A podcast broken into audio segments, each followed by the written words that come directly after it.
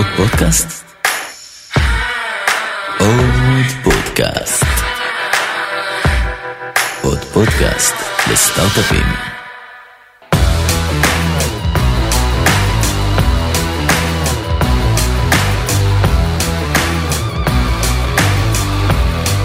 טוב, נו, שי, נראה לי נתחיל. תומי, מה נהיה? שי, אהלן, מה שלומכם?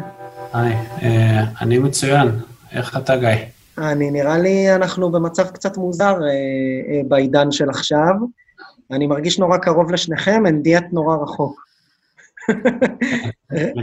רעיון בזום, שכולנו עושים מהבית, אה, ואיכשהו צריך לגרום לדבר הזה לקרות. אז, אז נראה לי, שי, עשינו הקדמה קצרה לפני שהתחלנו את הפרק. אה, נראה לי שדבר ראשון, טומי ואני, אנחנו עושים את הפודקאסט הזה כבר אה, שנתיים, שלוש, ותמיד יש לך בוויש ליסט איזו רשימה, אמרנו שלא נתחלף לפני הפרק, אז שיקרנו, אבל תמיד יש לך בוויש ליסט איזו רשימה חלומית כזו של ה...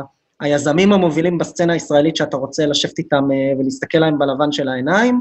אז אמנם אני רואה אותך בפיקסלים כרגע, אבל, אה, אבל אה, באמת תודה שהקדשת מזמנך בתקופה הזו ושאתה ככה מדבר איתנו. אז קודם כל, תודה רבה. אה, תודה לכם, אה, תודה לכם שאתם מארחים אותי. אני כמובן, אתה יודע, כשאתה נמצא בתוך הגוף של עצמך ובראש של עצמך, אתה אף פעם לא רואה את הדברים האלה מבחוץ.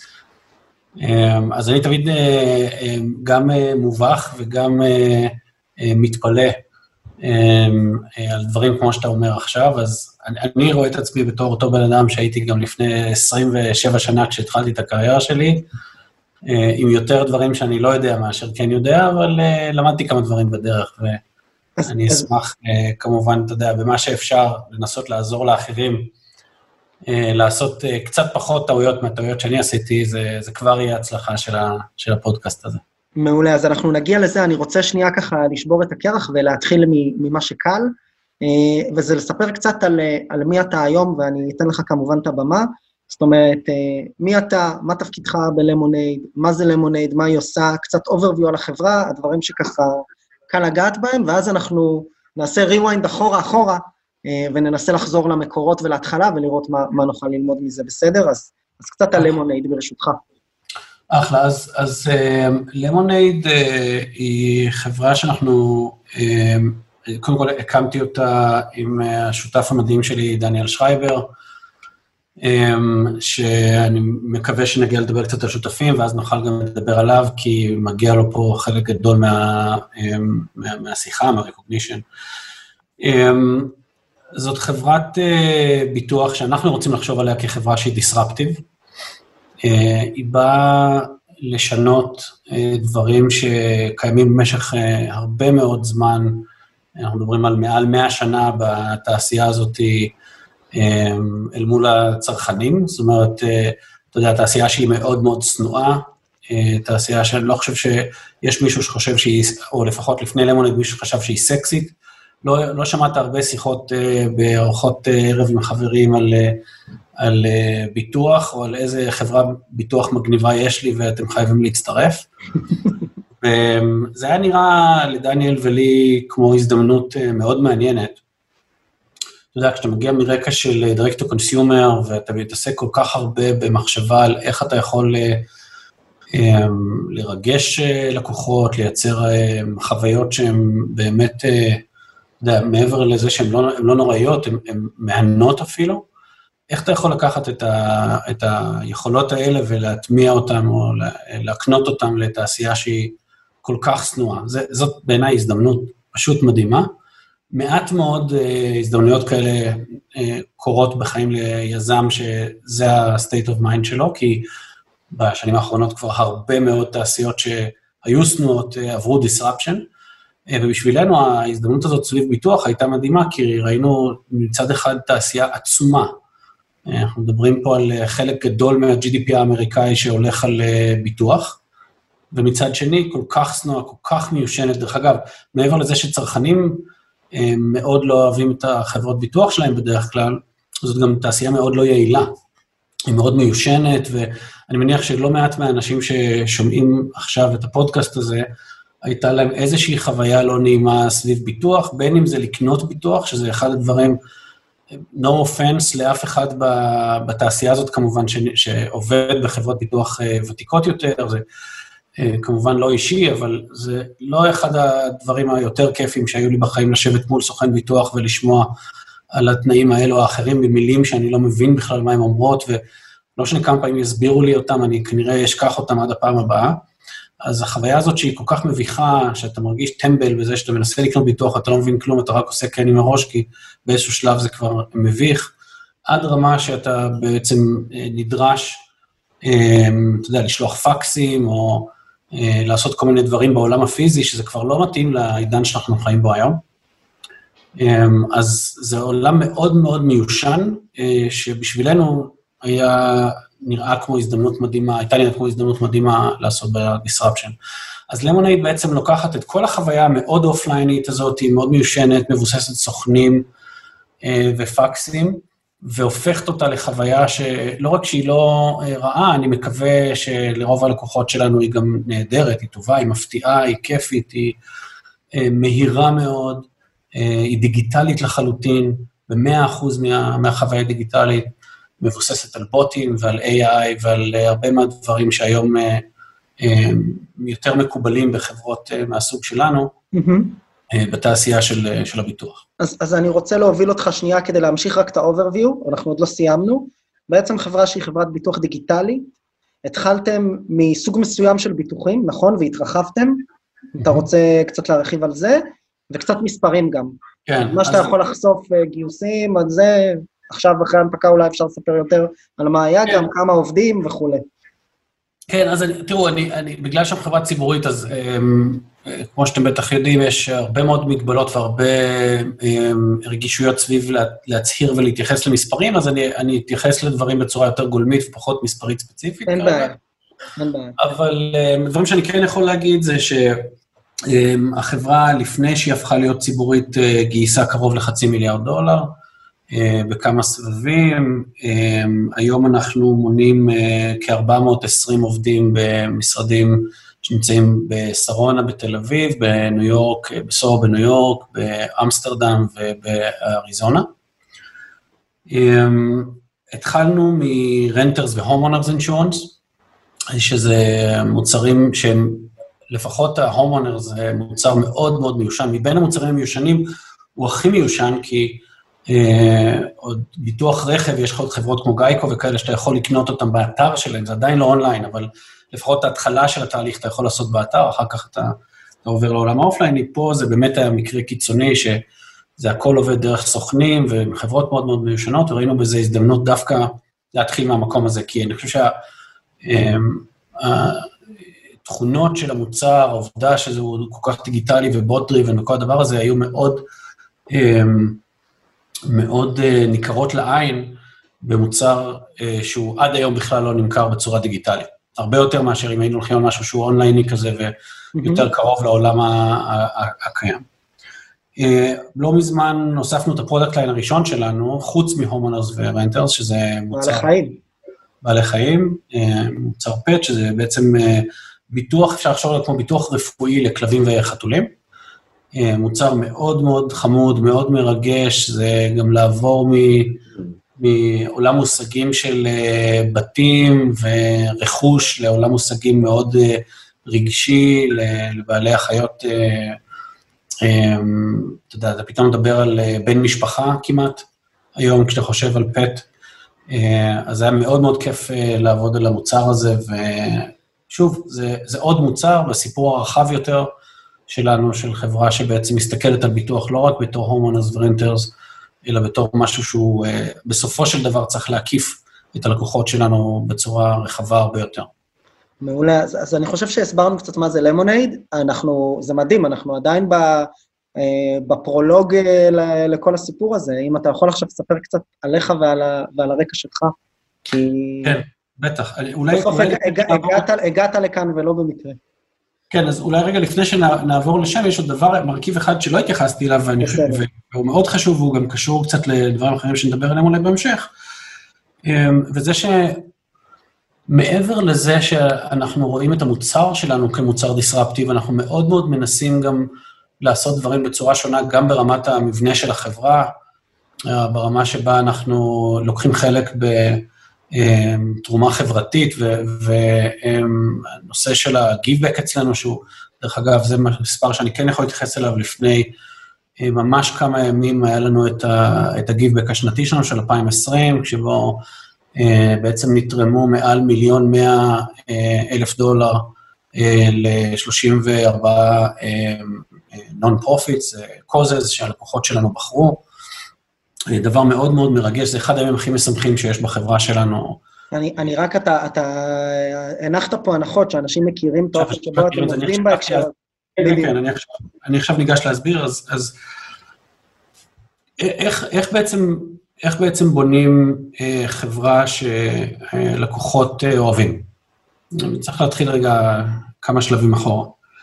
אז בביטוח, המקום שאנשים הכי סובלים ממנו זה בתשלום התביעות.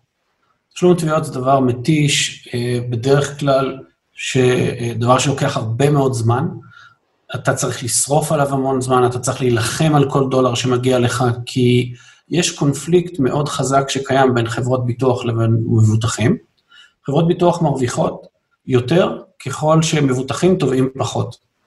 זה פשוט אה, פורמולה כזאת. זאת אומרת, אם אנחנו אה, בתור חברת ביטוח אה, אוספים, אני סתם זורק מספר, מיליון דולר בשנה ממבוטחים שלנו ומשלמים תביעות 999 אלף דולר, זה אומר שהרווחנו, 999 אלף דולר, 999, זה אומר שהרווחנו דולר באותה שנה, כמובן זה לא מצב טוב, ולכן חברות ביטוח רוצות כמה שיותר להקטין את תשלום התביעות שלהם, כדי להגדיל את הרווחים שלהם בסוף השנה. זה פשוט משחק כזה. ויש פה בעצם, ויש פה בעצם, וזה, דיברת על התעשייה, אני משתמש במילותיך, אמרת תעשייה שנואה, יש פה בעצם ניגוד אינטרסים מובנה, כי אתה משלם לחברה פרמיה כדי שתבטח אותך, וברגע האמת יש לה אינטרס לשלם לך כמה שפחות על, על התביעה. בדיוק. ולכן, כדי לעשות שינוי מהותי בחוויית המשתמש uh, סביב ביטוח, לא מספיק לבנות מוצר שהוא מאוד יפה, או חמוד, או לא משנה איך תקרא לו, תשתמש בבוטים עד מחר, בסוף, אם אתה צריך, בסוף אתה בא לתבוע ואתה צריך לעבור את אותם מדורי גיהנום שאתה צריך לעבור מול חברה אה, שהיא יותר ותיקה, או חברות הטרדישיונל, לא עשית כלום. אתה תהיה חברה שנואה בדיוק באותה מידה. אתה תהיה חברה דיגיטלית שנואה, אבל אתה עדיין תהיה חברה שנואה. ולכן הבנו מהתהליך המחשבה הראשונה שלנו אה, לגבי הבנייה של המוצר הזה, אה, שאנחנו צריכים לשנות משהו מאוד יסודי במודל העסקי הזה, שהוא הקונפליקט הזה שנוצר פה בין החברה ללקוחות. אנחנו לא רוצים להיות בקונפליקט עם הלקוחות שלנו. אמ, וכדי לעשות את זה, מה שבעצם אה, שינינו, זה שבמקום שאנחנו נלחמים על אותו מטבע, אה, מצד אחד כסף נכנס של לקוחות, מצד שני כסף יוצא ללקוחות, ובסוף מה שנשאר זה הרווח שלנו, אמרנו, ננתק את מרכיב הרווח של החברה מהתוצאות של התביעות באותה שנה. זאת אומרת, אנחנו נקבע משהו שהרבה יותר מקובל בעולם ה-SaaS, אה, יש flat fee, איזשהו אחוז מסוים שאתה גובה אה, עבור השימוש במערכת לצורך העניין, וכל השאר הולך לאותה קופה שממנה משולמות התביעות. כך שאם יש שנה נוראית, אה, אז אנחנו תמיד נרוויח את אותו הסכום שלנו, את אותו ה-flat fee, ואם יש שנה מעולה, גם אז נרוויח את אותו flat fee ולא יותר. Mm-hmm. במקרים אה, רעים במיוחד, יש לנו re-insurance, שמי שלא מכיר את זה בעולם הביטוח, זה קצת מצחיק כשפוגשים את זה פעם ראשונה, זה חברות ביטוח שמבטחות חברות ביטוח.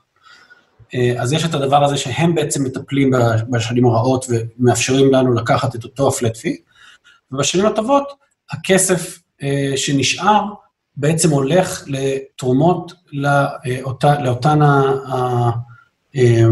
ההצדקות, נקרא לזה, שלקוחות שלנו בוחרים כשהם מתחברים למוצר.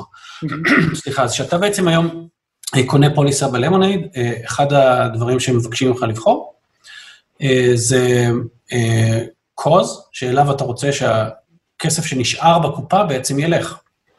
וזה, אתה יודע, נע בין ה-ACLU לבין קוזס סביב בעלי חיים, לבין עזרה לנזקקים, לבין קוד לאוכלוסיות חלשות, לימוד תכנות לאוכלוסיות חלשות וכל מיני דברים כאלה. ואני חוזר למשפט הראשון שלי, שהשנה בעצם הגענו ל-20x מה, מהתרומה שעשינו בשנה הראשונה שלנו, ויותר מכל מה שתרמנו עד היום ביחד, באמת מיליון, מעל מיליון דולר, מיליון מאה ומשהו, שהולך לצדקות האלה ועושה אימפקט מאוד מאוד משמעותי על החיים של אנשים. וזה אחד הדברים הכי מרגשים, אני חושב, מה שאנחנו עושים פה בחברה. אם אני משווה את הריגוש שהיה סביב הגיבבק האחרון, לכל הגיוסי כספים שהיו לנו, זה בכלל לא באותה, באותה אה, ספירה, זה, זה משהו אה, מאוד מאוד משמעותי ורגשי שקורה בחברה. אז, אז זה באמת מרגש לשמוע, אני רוצה לשבור את, ה, לשבור את האווירה ו, ולחזור שנייה גם לרקע שלך, אה, טרום Fiverr והמסע ב Fiverr שגם הוביל אותך באיזשהו מובן לאן שאתה נמצא היום, אם קצת אתה יכול באמת ככה בקצרה לספר למי שלא מכיר. בטח. אמ, טוב, אז אני, אני מגיע מרקע קצת אה, לא שגרתי, הייתי אומר. אמ, אני לא מגיע מרקע אקדמי. אמ, היה לי אה, את הזכות להתחיל את החברה הראשונה שלי דווקא בצד אה, של branding ו design, אה, בטח בשנת 91, תחשבו כמה אחורה זה הולך, זה קצת מביך, אבל זה היה לפני הרבה הרבה הרבה זמן. אה, וזה, אה, בשנים הראשונות, בערך בעשר שנים הראשונות, זה פחות או יותר מה שעסקתי בו, וזה הביא לי את הקרבה לעולם הזה של מה שהיום קוראים לו product, UX, storytelling, branding, דברים שהמילים האלה לא היו קיימות אז, אבל עשינו הכי טוב שיכולנו כדי ללמוד יחד עם התעשייה מה הדברים האלה אומרים ואיך אה, בונים מוצרים שהם לא רק עובדים, אלא הם גם, הם, אה, יש סביבם איזושהי חוויה ואיזשהו סיפור, משהו טיפה יותר עמוק מאשר רק פונקציונליות. אה, אבל לא היה לי שום רקע טכנולוגי, חוץ מזה שהיה לי את הזיקה לדבר הזה, אבל אף פעם לא הייתי איש שבא מ engineering או משהו כזה, זה, זה לא היה הצד המרכזי אצלי בקריירה. אמ, הקמתי את החברת סטארט-אפ הראשונה שלי בסביבות שנת 2000, אה, טיפונת לפני ההתפוצצות של הבועה, זה היה תזמון, זה היה לי פוקס אה, רציני שם, את הצ'ק אה, של ההשקעה קיבלתי ממש שבועיים לפני שחצי מה, מהקרנות שלנו קרסו. אמ, וזה היה מעבר מאוד משמעותי בשבילי בין חברה שנותנת שירותים לחברות אחרות, לחברה שבונה מוצר משל עצמה. בעצם הבנתי שאני רוצה להתחיל אה, לעשות דברים שהם סקיילבל, שיכולים, בעצם דברים שאתה בונה פעם אחת ומוכר הרבה, במקום לעשות כל פעם מחדש אה, אה, פיתוח של משהו עבור מישהו אחר, ולהתחיל כל פעם מחדש בלי יכולת לשחזר או לשכפל את הדברים שאתה עושה. וזה היה הבית ספר הראשון שלי למה זה להקים חברת סטארט-אפ. עשיתי שם פחות או יותר את כל הטעויות האפשריות, and then some, כאילו אין... לפי דעתי טעות בספר שלא עשיתי, מלבחור את המשקיעים אה, דרך אה, אה, הגיוס של העובדים הנכונים, דרך בנייה או פיתוח של מוצר טכנולוגי בלי הבנה עדיין של איזה שוק הוא הולך, והמון המון המון דברים שלמדתי, הייתי עוד ילדון בזמן הזה, ואני חייב להגיד שגם אז, שלא כמו היום, שיש פודקאסטים כמו הפודקאסט הזה, אה, ויש אה, ספרים, ויש כל כך הרבה תוכן אה, שיש לקרוא בחוץ, שאתה, כשאתה מתחיל, אתה מתחיל מנקודת פתיחה הרבה יותר טובה. זה כמעט טרום האינטרנט, או לפחות האינטרנט כמו שאנחנו מכירים אותו היום. אז אין ממש בשנים האלה מי ללמוד, ואתה פשוט טועה ומקווה שתצליח להתגלגל לדבר הבא בלי, ש, בלי שתתרסק, אני חושב שהטעויות האלה, הם, בגלל שחוויתי אותן ולא רק קראתי עליהן, מאוד השפיעו עליי, לטובה. זה muscle memory כזה שאתה מקבל על, על, אתה יודע, התנהלות מול משקיעים, גם בתקופות מאוד מאוד קשות, וכמו שאמרתי, בחירה של עובדים, אתה לומד איזה, איזה אנשים אתה לא רוצה אה, שיהיו לך בחברה, או יותר נכון, מה החשיבות של לבחור את האנשים הנכונים, זו דרך יותר חיובית להגיד אותו דבר. אמ, אז זה, זה בעצם היה, אה, הייתה תקופה לא, לא טריוויאלית, אה, אמנם גייסתי שם סכום כסף יפה, נכון לאז זה היה, אני חושב שזה היה שתיים וחצי מיליון דולר, משהו כזה. אמ, לתקופה ההיא זה היה סכום אה, מכובד. אמ, מה שקרה זה שכיוון שכל התעשייה התרסקה, אז אמרנו, אוקיי, יש לנו סכום אה, לא קטן בקופה, וכל הלקוחות הפוטנציאליים שלנו פחות או יותר התאדו מהעולם, משבר הדוט קום, מה אנחנו עושים? אה, ואז החלטנו לנסות להתמקד בטכנולוגיה ולקוות שזה סייקל שבסופו של דבר אה, יעבור, והופפולי בסוף שלו אנחנו נוכל לחזור לאיפה שהתחלנו, וזו הייתה הנקודה שבה נחשפתי לטכנולוגיה פעם ראשונה. אה, היה לי הרבה מאוד זמן לשבת עם הצוות הטכנולוגי שלי, ופשוט התאהבתי בעולם הזה של דיפ טק. הזמן הזה שהיה לי לבלות עם הצוות הטכנולוגי שלי, אה, בעצם אפשר לי להיכנס גם לעולם הטכנולוגי, וגיליתי שזה משהו שהיה ממש חסר לי, זה כמו כזה תחושה שאתה, תמיד אמרתי שאני חייתי בשקר, אה, שזה משהו שאתה מגלה אותו ואתה אומר, וואו, אני לא מבין איפה הייתי עד עכשיו, ובאמת החיבור הזה לטכנולוגיה, זה מייצג את העשר שנים הבאות אה, בקריירה שלי. אז אם התחלתי אותה במקום של, של יותר design ו brand וכל זה, ואחר כך המשכתי אותה לטכנולוגיה, אז, וזו הייתה צלילה עמוקה לטכנולוגיה. אה, אני חושב שבתקופה שבאה אחרי זה, חיברתי את שניהם. זה המקום שגיליתי כמה שאי אפשר, אה, או מאוד מאוד קשה לבנות מוצרים טובים ופורצי דרך, בלי שיש לך את שני הצדדים האלה, בלי שיש לך מצד אחד הבנה טכנולוגית עמוקה של מה אפשר לעשות, או מה לפחות אפשר לדרוש מהטכנולוגיה, לאן אתה יכול לקחת אותה, ומצד שני, אה, מה היית רוצה לעשות, או מה החזון, ואיך אתה יכול לבנות משני הדברים האלה מוצר שהוא, שהוא magical, בעצם, שזו המטרה של מה שאנחנו בסופו של דבר עושים. ואיך יישמת את זה ו... במסע, במסע שלך בהמשך? אמ, תראה, אני חושב שהתחום שמחבר את שני העולמות האלה זה product, מה שנקרא בתעשייה שלנו היום. אמ, זה לא אומר שכל product manager צריך לבוא עם רקע טכני, או... אה, או שהוא חייב לבוא עם רקע טכני, אבל אני חושב שאנשי ה product שבאים עם שילוב של מצד אחד צד של design ו, אה, וחשיבת מוצר עמוקה, ומצד שני יכולת טכנית או הבנה טכנולוגית, אה, זה אנשי מוצר שהם הרבה יותר עגולים, והם הרבה פעמים מביאים תוצאות שהן יותר פורצות דרך. אז זה לאן שזה לקח אותי בהתחלה. אחר כך גיליתי שהצד של ה product הוא subset של משהו שאותי היום הרבה יותר מעניין, אה, וזה בעצם כל הצד של ה operations של הארגון. כי אם אנחנו חושבים על זה, מוצר זה רק אה, דבר אחד שהלקוח רואה, אבל אם אתה חושב על חברה, אז גם המשרדים שלך זה המוצר. זה אומנם מוצר שפונה פנימה אה, לארגון, אבל איך שהמשרד שלך נראה, ואיך שה brand שלך מדבר, ואיך אתה מגייס את העובדים, ומה ה onboarding שלהם, ו...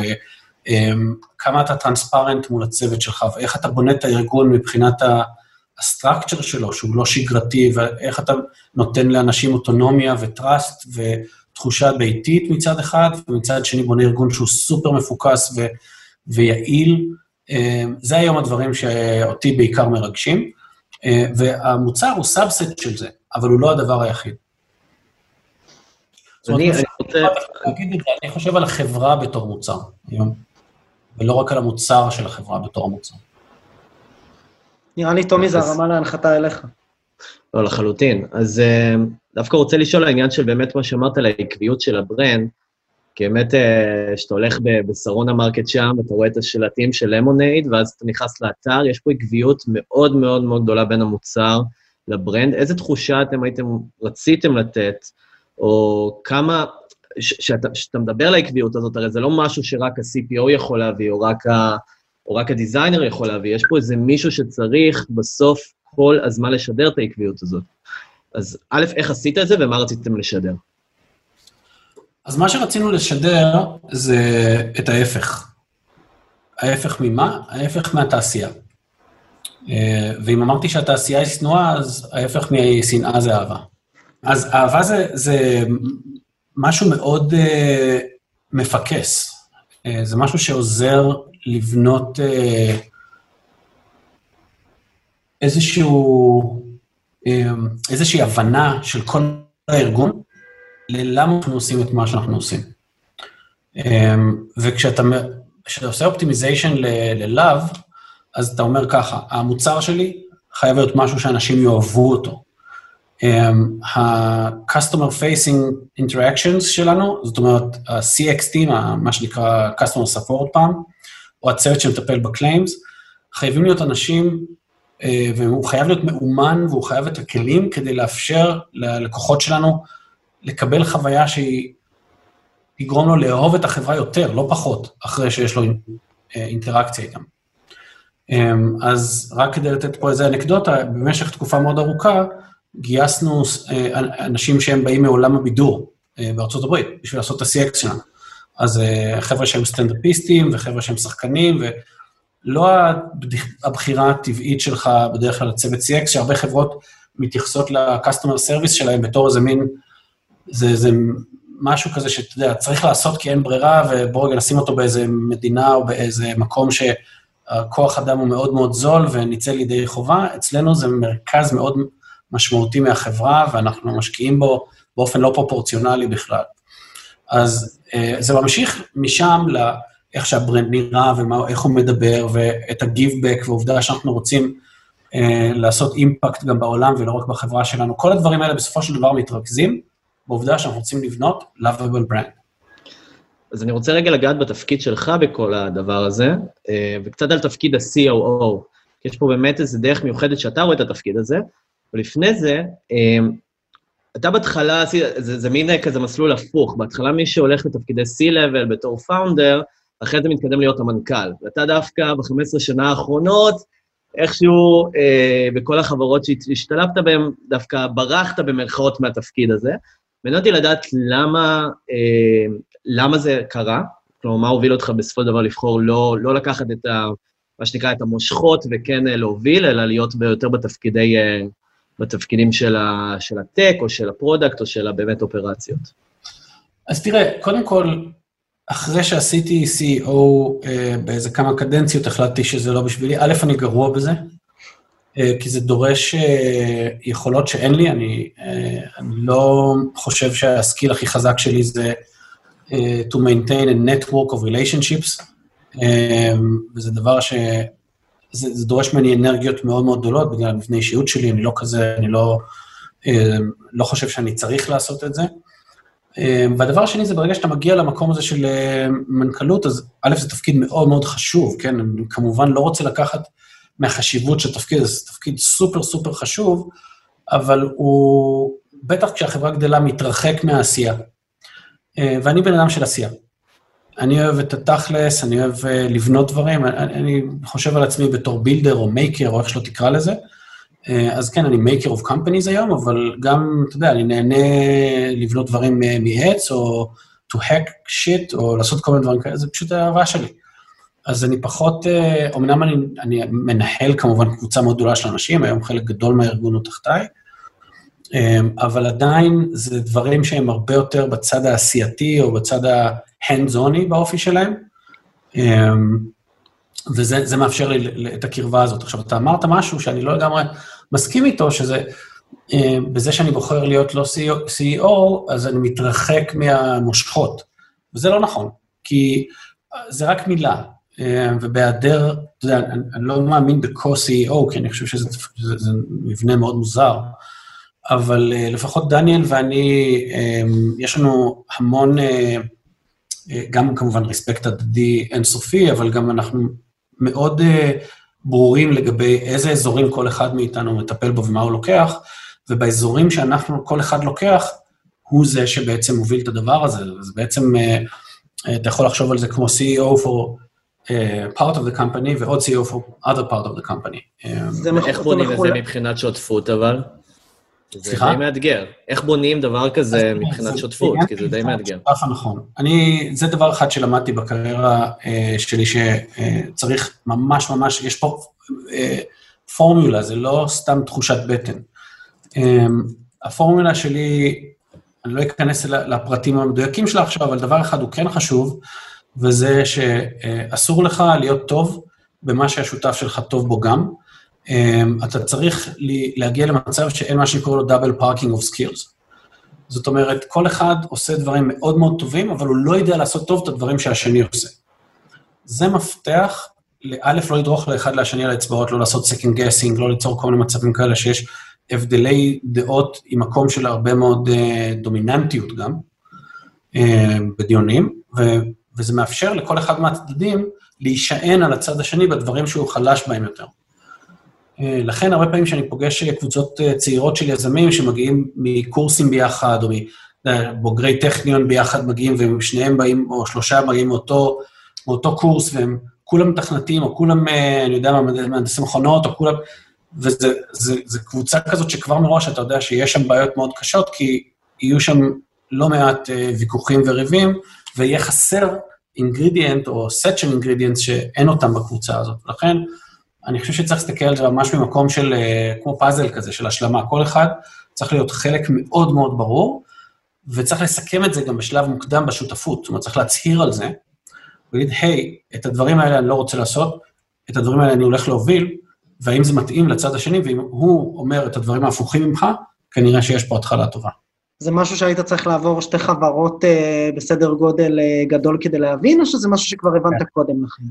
לא הבנתי אותו קודם. משהו שהבנתי, ואני חייב להגיד שזה משהו שהוא היה לי ברור ממש רק לפני למונייד. הבנתי. זאת אומרת, רק אחרי פייבר. אחרי פייבר והחברות שהיו לפני זה, אבל כן. אוקיי. וכשאתה היום מסתכל על החברות שהיו לפני זה, ועל פייבר ועל למונייד, אני, אני קצת רוצה לשאול על, אה, על טעויות של ההתחלה, בוא נגיד את זה ככה, כי אני חושב שהרמת לנו פה להנחתה על אחת מהן, שזה אה, דע את עצמך קודם כל, ואז בחר את השותפים שלך בהתאם, או להפך, תלוי מה בא קודם, בסדר? מה עוד הדברים? גם קצת אה, ריכלנו על זה במרכאות לפני שהפרק התחיל. יש דברים שעשית שוב ושוב, ואם תקים היום את החברה, המי יודע כמה שלך לא תעשה, מה, מה היום עצתך לשי מלפני 10 או 15 שנה לגבי טעויות להימנע מהם? בוא נשאל את זה ככה. אז קודם כל, אני חושב ש... אמ, כמה שניתן לראות מהזווית שאני נמצא בה עכשיו, אני חושב, אני מרגיש שבלמונייד אמ, קשה לי יותר למצוא טעויות שאני מודע אליהן, אה, שלא תיקנו כבר. זה לא שאנחנו לא עושים טעויות, אנחנו עושים את כל הזמן, אנחנו מתקנים אותן as we go. אמ, אבל אין, אני לא רואה פה איזה שהן טעויות שנעשו כתוצאה של חוסר ניסיון. אני חושב שזה אולי אחד הדברים שאני מאוד uh, מרגיש בלמונייד כשונה מחברות קודמות שהיו לי, שזה לא פעם ראשונה, לא שלי ולא של דניאל, ואנחנו כבר יודעים במה, אה, במה להשקיע, אה, ואיפה הנקודות שאם אתה לא מודע אליהן, הן בורחות כמעט באופן דפולטיבי. למשל, culture. אה, הדברים הרכים האלה, אתה יודע, story telling, thought leadership, כל הדברים שכשאתה מתחיל חברה צעירה, וזו אולי החברה הראשונה או השנייה שלך, ויש לך כל כך הרבה אתגרים, ואתה צריך גם לגייס את העובדים, ולגייס כסף, ולפתח את הטכנולוגיה, לעשות עוד 101 דברים אחרים, הדברים האלה נשמעים כמו פלאף. זה תמיד הדברים שנדחים הצידה. הבעיה היא שכשאתה מגיע להבנה כבר, כשאתה מגיע ל maturity שאתה אומר, אה, אוקיי, אני צריך לטפל בדברים האלה, זה כבר מאוחר מדי. כי ה culture נוצר בין אם אתה אה, מודע לזה ומשקיע בו, ובין אם לא. הוא פשוט נוצר. וה storytelling לא יכול להתחיל אחרי שאתה חברה כבר בוגרת. זה משהו ש... ממש מתחיל מה, מהיסודות של הבנייה של החברה, ו, אמ, והוא גם מגדיר את, איזה, את, את הצוות שאתה תגייס, אה, איזה סוג של משרות יהיה לך וכן הלאה. אז אני חושב שאת הדברים שלמדתי בחברות הקודמות יישמנו, גם אני וגם דניאל, את הדברים שהוא למד יישמנו בלמונייד. יש לנו, אה, דניאל למשל, עד כמה שאני יכול לדבר בשמו, אני פשוט מכיר את זה הרבה מסיפורים שהיו בינינו, אבל היה לו סיפורי זוועה עם בורדים בחברות קודמות. עם משקיעים נוראיים שפשוט הרגו חברות, דרך אגב, גם לי היו כאלה דברים. לא בפייבר, אבל בחברות קודמות של, של בורדים פשוט נוראיים ששיתקו חברה והגיעו למלחמות כוח ואגו בין משקיעים, אפילו לא קשור בכלל ליזמות, ליזמים. אמ, וזה היה מפתח בבחירה של המשקיעים שלנו עד הרגע האחרון בלמונייד. אה, אנחנו מבינים כמה שזה חשוב יותר מלגייס את הכסף, זה ממי אתה מגייס את הכסף. ושי, אולי אני, אתה חושב שבאמת יזם שהוא בתחילת דרכו, יכול, אה, יכולה להיות לו פריבילגיה לשלוט על זה? כלומר, הרבה פעמים יזמים כאלה פשוט לוקחים את מה שיש, ולא שולטים על ענייני בורדים או לא מכירים מספיק, כלומר, איזה עצות אה, טנג'ביליות אולי, או עצות פרקטיות היית נותן אה, ליזמים תחילת דרכם, כן לשלוט על התמהיל, או טעויות נפוצות בבורדים, ש, שבאמת אתה לא היית עושה, אבל לא בתור יזם שהוא כבר אחרי שלוש-ארבע חברות, יש לו את הפריבילגיה לשלוט, אלא בתור יזם כן מתחיל. ברור, אז תראה, אני אגיד ככה, קודם כל, אני מאוד מאמין ב-Natural Selection, בברירה הטבעית. ויזמים שקשה להם מאוד לגייס כסף, והם נלחמים בזה חודשים שלמים ולא מצליחים אה, לראות אור בקצה המנהרה, צריכים להגיד דרשני. ויכול מאוד להיות שהם צריכים לעשות איזשהו אה, בדק בית עם עצמם ולראות אולי בכלל מה שיש להם באמת הוא לא אינבסטיבל, לא מספיק משמעותי, שזה יעניין משקיעים, ואולי בסוף שהם ימצאו איזה משקיע מאיזה פינה חשוכה שהיה מוכן להשקיע בזה, זה, רק, זה רע להם, כי זה פשוט, זה רק ימתח להם את הקץ, וגם המשקיע הזה יפסיד את הכסף שלו, וגם הם יפסידו את השנים שהם ישרפו על זה, כי הראונד הבא שלהם כנראה לא יקרה בכל מקרה. אז אני מאוד מאמין בזה, אני חושב שדברים, או שהם קורים או שהם לא קורים, וזה נכון שזה לא ב-100% מהמקרים, והרבה פעמים יש סיפורי uh, גבורה כאלה שאף אחד לא רוצה להשקיע, ובסוף איזה מישהו השקיע וזה הפך להיות חברה שאני לא יודע מה, אבל רוב הסיפורים לא כאלה. Um, אז זה דבר ראשון. דרך אגב, זה לא בהכרח אומר שהרעיון הוא לא טוב, יכול מאוד להיות שהצוות um, הוא לא שלם, uh, או שאין, אתה יודע, אנשים מרגישים את זה בשיחות עם משקיעים, הרבה פעמים מקבלים את הפידבקים האלה. אז גם אם לא משקיעים בך, לפחות עצה ראשונה למשקיעים, ליזמים צעירים, זה אם אתם עושים פגישות עם אה, עם משקיעים, אם לא כסף, תוציאו מהם לפחות אה, פידבק על למה לא. ואל תקבעו מסה של פגישות מאוד מאוד צפופות, כי אז לא יהיה לכם מספיק זמן לתקן. אז זה ממש כאילו תהליך שהוא קצת כמו אה, A-B testing של מוצר. כשאתה מתחיל משהו חדש, אתה צריך לפגוש בהתחלה משקיעים לא פורמלית, לבוא ולבקש עצה, יש פעם, פעם היה משפט כזה שאמר ש... אתה רוצה לגייס כסף, תבקש עצה, אתה רוצה לבקש עצה, תבקש כסף, זה כאילו, זה ממש ככה, אתה, אתה בא, אתה, אתה, אתה רוצה אה, לשמוע קצת פידבק ואתה מבין, ואם אתה, אתה מפנים את מה שנאמר לך, כל עוד המסר הזה הוא קונסיסטנטי, אז הסיכוי שלך לגייס הוא יותר טוב. אז אני חושב שכשאתה אה, מגיע אחרי ה cycle הזה, למצב שכבר יש משהו שיש לו investor market fit, אז כבר כן יש לך את היכולת לשלוט באיזה משקיע אתה בוחר, כי זה לא רק משקיע אחד. אם יש לך רק משקיע אחד, אתה לא יכול מה לבחור, אין לך מה לבחור, אז הבעיה היא יותר גדולה. הבחירה הזו של ללכת uh, בשתי החברות האחרונות שלך על מוצרים שהם בסוף בבסיס שלהם consumer oriented, אפרופו משקיעים, איך זה מתכתב uh, עם, ה, עם התפיסה הרווחת שישראלים לא טובים בקונסומר? אני חושב שזו אמירה טיפה אה, קיצונית. אה, א', אני חושב שאנחנו מוכיחים אחרת. אה, ומשהו ביכולת של העם שלנו, אה, שאנחנו, משהו נכנס לתודעה והוא הופך להיות אה, מין יעד כזה שאליו מכוונים, אז פתאום אנחנו נהיים הכי טובים בו בעולם. ואין לי ספק שאנחנו נהיה הכי טובים ב consumer גם פה. אני חושב שאנחנו ממש בצעדי ענק מתקרבים לשם. אמ, אתה יודע, חברות כמו וויקס שסללו את הדרך, ואחרי זה פייבר, ואני מקווה שגם עכשיו אנחנו, אנחנו מייצרים דור של אנשים שיודעים לחשוב consumer, אה, ויודעים לעשות product אה, אה, שהוא מותאם לצרכנים ולא רק ל-B2B. אה, ואין לי ספק שמהקוהורטים האלה, מהקבוצות האלה של אנשים שעברו בחברות האלה, יצאו החברות consumer המצליחות הבאות מישראל. אני חושב שגם uh, עלינו על הרדאר בצורה מאוד משמעותית מבחינת ה-investor community, מה שפעם היינו מאוד חזקים במשקיעים טכנולוגיים, היום uh, חברות שאני יודע שקמות ברגעים אלה, שהן direct to consumer, עם אנדריסן שמש, שמסתכלים עליהם, וכל הקרנות הוואלי הקלאסיות, שפעם לא יצאו מטר מסנד הילד רוד, פתאום מסתכלות על ישראל. ולא רק מסתכלות, אלא גם שמות כסף. אז אני חושב שאנחנו היום מתחילים בציר, ממש בשנה האחרונה, שאם אנחנו מעבירים קדימה עכשיו אה, חמש שנים, יהיה לך לא מעט אנשים שאתה תרצה לדבר איתם כמו שאתה רוצה לדבר איתי בשיחה הזאת. אני רוצה רגע לחזור לתפקיד של ה-COO ובאמת לשאול אותך, כי באמת אתה נוגע בהמון דברים, אם זה המוצר, אם זה ה brand, אם זה אפילו ה tech, ויש כל כך הרבה דברים שאתה נוגע בהם, מה בסוף אתה הכי נהנה לעשות כשאתה מגיע ליום עבודה?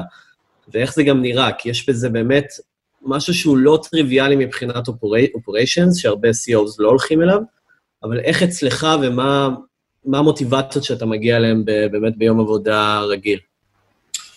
אה, שאלה מצוינת. שני דברים שאני מאוד מאוד אוהב להתעסק איתם.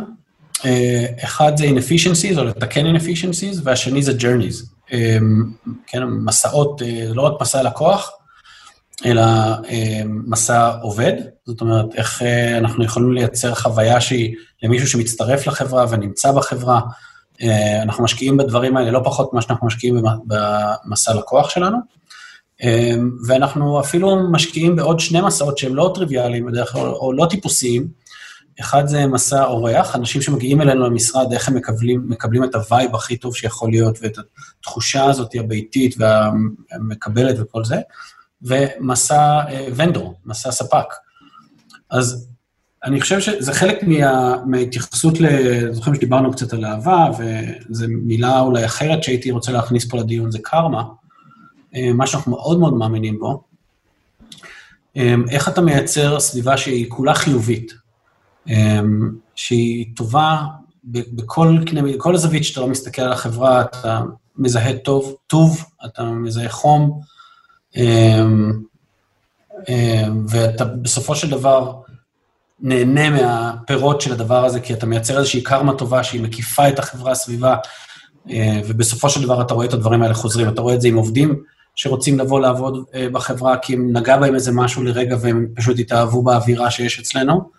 אה, ואתה רואה את זה עם אה, ספקים שיעשו הכל כדי לעבוד איתנו כי הם, כי משלמים להם הרבה לפני מה שמבטיחים להם, ומתייחסים אליהם כמו עובדים בחברה, ואתה רואה את זה בעצם בכל צד, כולל הלקוחות שלנו, איך שהם מקבלים את גם החוויה של ה onboarding וגם חוויה של הטיפול כשהם נוגעים בצוות ה-CX שלנו. אז איך בפועל אתה מאזן בין המנגנוני אופטימיזציה ובקרה ושליטה, שבאמת הם, הם חולשים על כל הארגון, לבין העניין הזה של אה, אוטונומיה והעצמה של אה, נגיד ה-Head of Product שלכם, או של ה-Head of Marketing, וכל מי שאחראי באמת על האוטונומיה האישית שלו. איך זה באמת קורה? קודם כל, אה, זה שתי שאלות, אני רגע אענה על הראשונה. הקשר בין אופטימיזציה, אוטומציה ו-Customer Love הוא ישיר. כי כשאתה, כשאתה מייצר כלים לעובדים של החברה שכיף לעבוד עליהם, שהם אוהבים להשתמש בכלי back office שלנו, יש לנו, ה-back office שלנו נקרא, נקרא בלנדר, וזה מערכת שרוב האנשים לא, לא מכירים אותה, כי זה, אתה יודע, זה כמו iceberg הזה, יש לך שפיץ קטן שנמצא מעל המים שכולם רואים, אה, שזה המוצר שלנו, האפליקציה או ה website, אבל עדיין מתחת לדבר הזה יש משהו עצום שמניע את כל Lemonade, אה, וזה מוצר שהוא בקנה מידה, אה, אני אומנם משוחד, אבל בעיניי גם ברמת, מה design, דרך ה-usability שלו, ברמה של המוצר SaaS הכי טוב ש, שאני לפחות ראיתי, כאילו, אתה מכיר מוצרים כמו Zendesk ודברים כאלה, זה, זה miles ahead, כאילו, מבחינת היכולות של זה, גם באוטומציה, גם פרואקטיביות, גם... שזה מוצר פנימי שלכם, שאתם פיתחתם בשביל Lemonade. ביום הראשון החלטנו שאנחנו בונים לעצמנו את ה-OS של, של החברה, והוא משרת את כל הצדדים של הארגון, הוא משרת uh, מהצוות של ה-growth שלנו, דרך partnership, BD, דרך, uh, הוא מייצר landing pages מצד אחד, ועוזר ל claims team שלנו לטפל ב claims ולראות את ה-customer journey של הלקוח. וזה משהו עצום ש, שקיים בחברה, ואני חוזר לשאלה שלך על הקשר הזה בין uh, אוטומציה או סמי-אוטומציה לבין happiness או ה-journey מאוד מאוד מוצלח, זה מתחבר אחד לאחד, כי כשיש לך איש CX שעובד על כלי שהוא פשוט, delightful בצורה מדהימה, והוא פשוט נהנה מכל רגע שהוא עובד איתו, ולא רק זה, הוא גם תרם לבנייה שלו, כי כולנו אצלנו אה, תורמים לבנייה של דברים חדשים, יש תרבות collaboration מאוד מאוד חזקה, אה, אז הוא מרגיש ownership על זה, ואז זה מפנה אותו, במקום להילחם בכלים ארכאיים, אה, להיות אה, אה, רק מול הלקוח ולתת לו את השירות הכי טוב שאפשר. ולהעביר את האהבה הזאת הלאה. שי, לי יש שאלה, אם זה בסדר, לקראת, אנחנו מתקרבים לסיום נראה לי. איפה, דיברנו קצת על, אה, על, על תחילת המסע, קודם כל על הרקע שלך ושל למונייד, רק טוריקה, ועל מה אתם עושים שם ולמה אתם נותנים חוויה שנה, גם ברמת המותג וכולי. דיברנו קצת על הטעויות שעשית בגיוס, בלמצוא שותפים, ועל החשיבות של לייצר customer journey, או בעצם journey לכל אחד מהסטייק הולדרים במרכאות הרלוונטיים בחברה. עכשיו יש לכם גם באמת סטייק הולדרים רבים, אבל מאז ההנפקה, אבל בסדר. איפה כל זה פוגש אותך ברמה האישית? למה, למה כבר 20 שנה להכניס את עצמך לסיטואציה שבה אתה מקים מאפס דברים, נלחם uh, בתחנות רוח לפעמים, מגייס כסף, מנסה למצוא שותפים, זה, לא, זה נראה לי לא מסע קל. מה המוטיבציה האישית שלך שם? קודם כל, זה הדבר היחיד שאני יודע לעשות. אז, אה, אז אין לי הרבה ברירה. אה, חוץ מזה, תשמע, אני, קצת, אה, אני חייב להודות שאני מכור לזה. יש בזה משהו מאוד, מאוד מספק. הקושי הוא דבר יחסי, בתור אחד שבילדות שלו עבד בעבודות שהן לא עבודות טק, עבודות לא, לא פשוטות ולא קלות, אה, אני חייב להגיד שאני אף פעם לא רואה את העבודה שלנו בתור עבודה קשה. גם כשאנחנו נשארים לילות וגם כשעובדים אה, מאוד אינטנסיבי, בסוף זה, עבוד, זה הרבה עבודה וזה עבודה אה, להרבה שעות, אבל היא לא באמת קשה. אז אני חושב שאנחנו מאוד מאוד ברי מזל, שאנחנו יכולים לעשות את הדברים האלה שאנחנו אוהבים, ו, וגם להרוויח מהם יפה. אז זה דבר אחד. דבר שני, תראה, זה, זה מאוד מסקרן לבדוק גבולות כל הזמן. זאת אומרת, מה, מה המקסימום יכולת שאתה יכול להוציא היום מ-AI? איזה דברים אנחנו יכולים לעשות? זה, אתה יודע, התחום הזה של ה hacking והחיבור של טכנולוגיות, מה קורה כשאתה לוקח designer ומחבר אותו ל data scientist, ונותן לנו לפתור בעיה מסוימת? הסוג הדברים שאנחנו מטפלים בהם פה הוא כל כך מגניב, כל כך uh, ממכר, שאני לא רואה את עצמי מפסיק לעשות את זה, כאילו, למה, למה שאני אפסיק? אתה יודע, אנחנו, יש פה ימים שאנחנו אה, מחברים אה, פיד מלוויינים של נאס"א לאלגוריתמים של AI שהצוות בנה כדי לזהות אה, התפרצות של שריפות ברחבי ארצות הברית. אה, וביום אחר אנחנו הולכים ומחברים את התוצר של הדבר הזה, שהוא עובד, כאילו זה, זה דבר שחי ונושם, מחברים אותו לבוט שמוכר כמעט 100% מהפוליסות שלנו דרך AI ובוט טכנולוגי שאנחנו בנינו אצלנו, והבוט עכשיו מגיב לשריפה שקורית ליד הבן אדם שכרגע קונה את הבית, כאילו, זה, זה, אני לא יכול לחשוב על הרבה דברים יותר uh, מעניינים להתעסק בהם. פה אבל גם דבר אבל uh, קצת uh, מפחיד, כלומר, גם הממדים, גיוס של חצי מיליארד דולר, הנפקה, ציבורי, יש פה כבר, אתה יודע, זה כבר מעבר לשליטה שלך לפעמים, זה, זה, זה, זה כל כך הרבה מנגנונים ש, ששולטים עכשיו אה, אה, בלמונייד, ברמה האישית יותר אני מדבר. זה משהו שלפעמים מלחיץ, לפעמים אתה צריך את זה לשדרג גרסה בעצמך, או, או, או ללכת ולהבין איך אתה מתמודד עם זה? אז לא, לא כל כך מלחיץ אותי, בגלל, לא בגלל שאני אמיץ, אני ממש לא, אני פשוט חושב שאתה, זה כזה שיטת סלאמי כזה, זה כאילו, זה קורה לאט-לאט, זה לא שאתה פתאום... אומרים פה ליד איזה צוק, האם לקפוץ או לא. זה creeping in, לאט-לאט, כל יום יש לך עוד משהו ועוד משהו ועוד משהו, אתה מתרגל לזה, אז אני לא חושב שזה כזה מהמקום הזה. ואני חייב להגיד לכל מי שלא מכיר קצת, או לא חווה אף פעם חברה ציבורית, גם כעובד, אה, זאת החלטה שהיא לגמרי נתונה ליזמים, איזה סוג של חברה ציבורית הם בונים. אה, דניאל ואני החלטנו ממש מההתחלה אה, של התהליך הזה, שאנחנו לא הולכים אה, לבנות חברה שרק מתעסקת במחיר המניה שלה. אנחנו ממשיכים את אותו קו שהתחלנו, כי זה מה שהביא אותנו לאיפה שאנחנו עכשיו.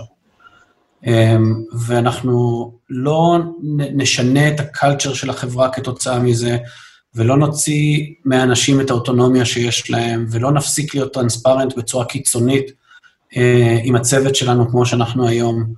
אה, אז בעצם אם אתה שואל עובד אצלנו בחברה, אם הוא מרגיש משהו שונה אה, מאז ההנפקה ולפני, אני חושב שרוב האנשים יגידו שהם לא, הם אפילו לא, אתה יודע, זה אפילו לא רעד קל בכנף, זה, זה כלום.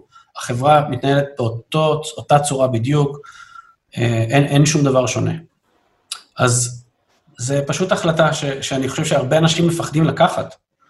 אבל אם אתה במודע לוקח אותה, וזאת ההצהרה שלך, וגם ב-S1 שלך אתה אומר, חבר'ה, אנחנו בונים חברה שרוצה לנסות הרבה דברים, אנחנו רוצים uh, uh, לעשות דברים בדרך שלנו, uh, ואנחנו מאמינים שככה אפשר לבנות value להרבה מאוד שנים.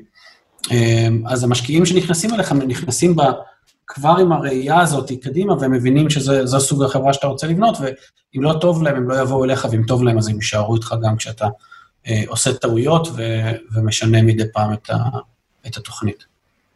אתה מסתכל מסביב על הסצנה הישראלית אה, עם כל החברות הגדולות שציינת, אה, וחושב שאנחנו הולכים פה לכיוון כזה של יותר ויותר חברות צמיחה שחוצות את השבעים של המיליארדים ו, ומשאירות לגאסי משלהם, מאשר של מכירה, זה, זה עניין של קולצ'ר, אפרופו, שיצא לנו לדבר עליו עם הרבה, הרבה מנכ"לים. אני חושב שכן. אני בפירוש חושב שכן. אמ, גם יש פה איזה מין פרדוקס כזה, אתה יודע, אני חושב שאם אתה לא יזם שרק רוצה לשבת על החוף עם איזה, עם איזה דרינק וככה לפרוש, אני לא מכיר הרבה אנשים ש... בטח לא בסביבה שלי אין אף אחד כזה. אמ, אז מה הרעיון? אז למה? אז תמכור את החברה ועכשיו תתחיל מחדש? למה לא פשוט כבר את מה שיש לך? בוא תבנה מזה משהו מאוד מאוד משמעותי, שהוא גם טיימלס, uh, הוא everlasting. אז במילים אחרות, האתגרים אה, מצד אחד, ולא יודע, הפתולוגיות הנפשיות מצד שני, שגורמות לנו לרצות לעשות משהו גדול, אתה אומר, ימשיכו לקונן, אז עדיף כבר להגדיל משהו גדול מאשר להתחיל מההתחלה? כן, כמו שאנחנו אומרים, להתמקד. במקום להתפזר. שי, תודה רבה, נראה לי, נראה לי היה נחמד. תודה רבה לכם, אני מקווה ש... היה ממש ממש טוב. שנתנו איזה value למישהו פה מתישהו, איפשהו, שישמע את הפודקאסט הזה. שי, תודה רבה. לנו לגמרי. מעולה. שי, תודה.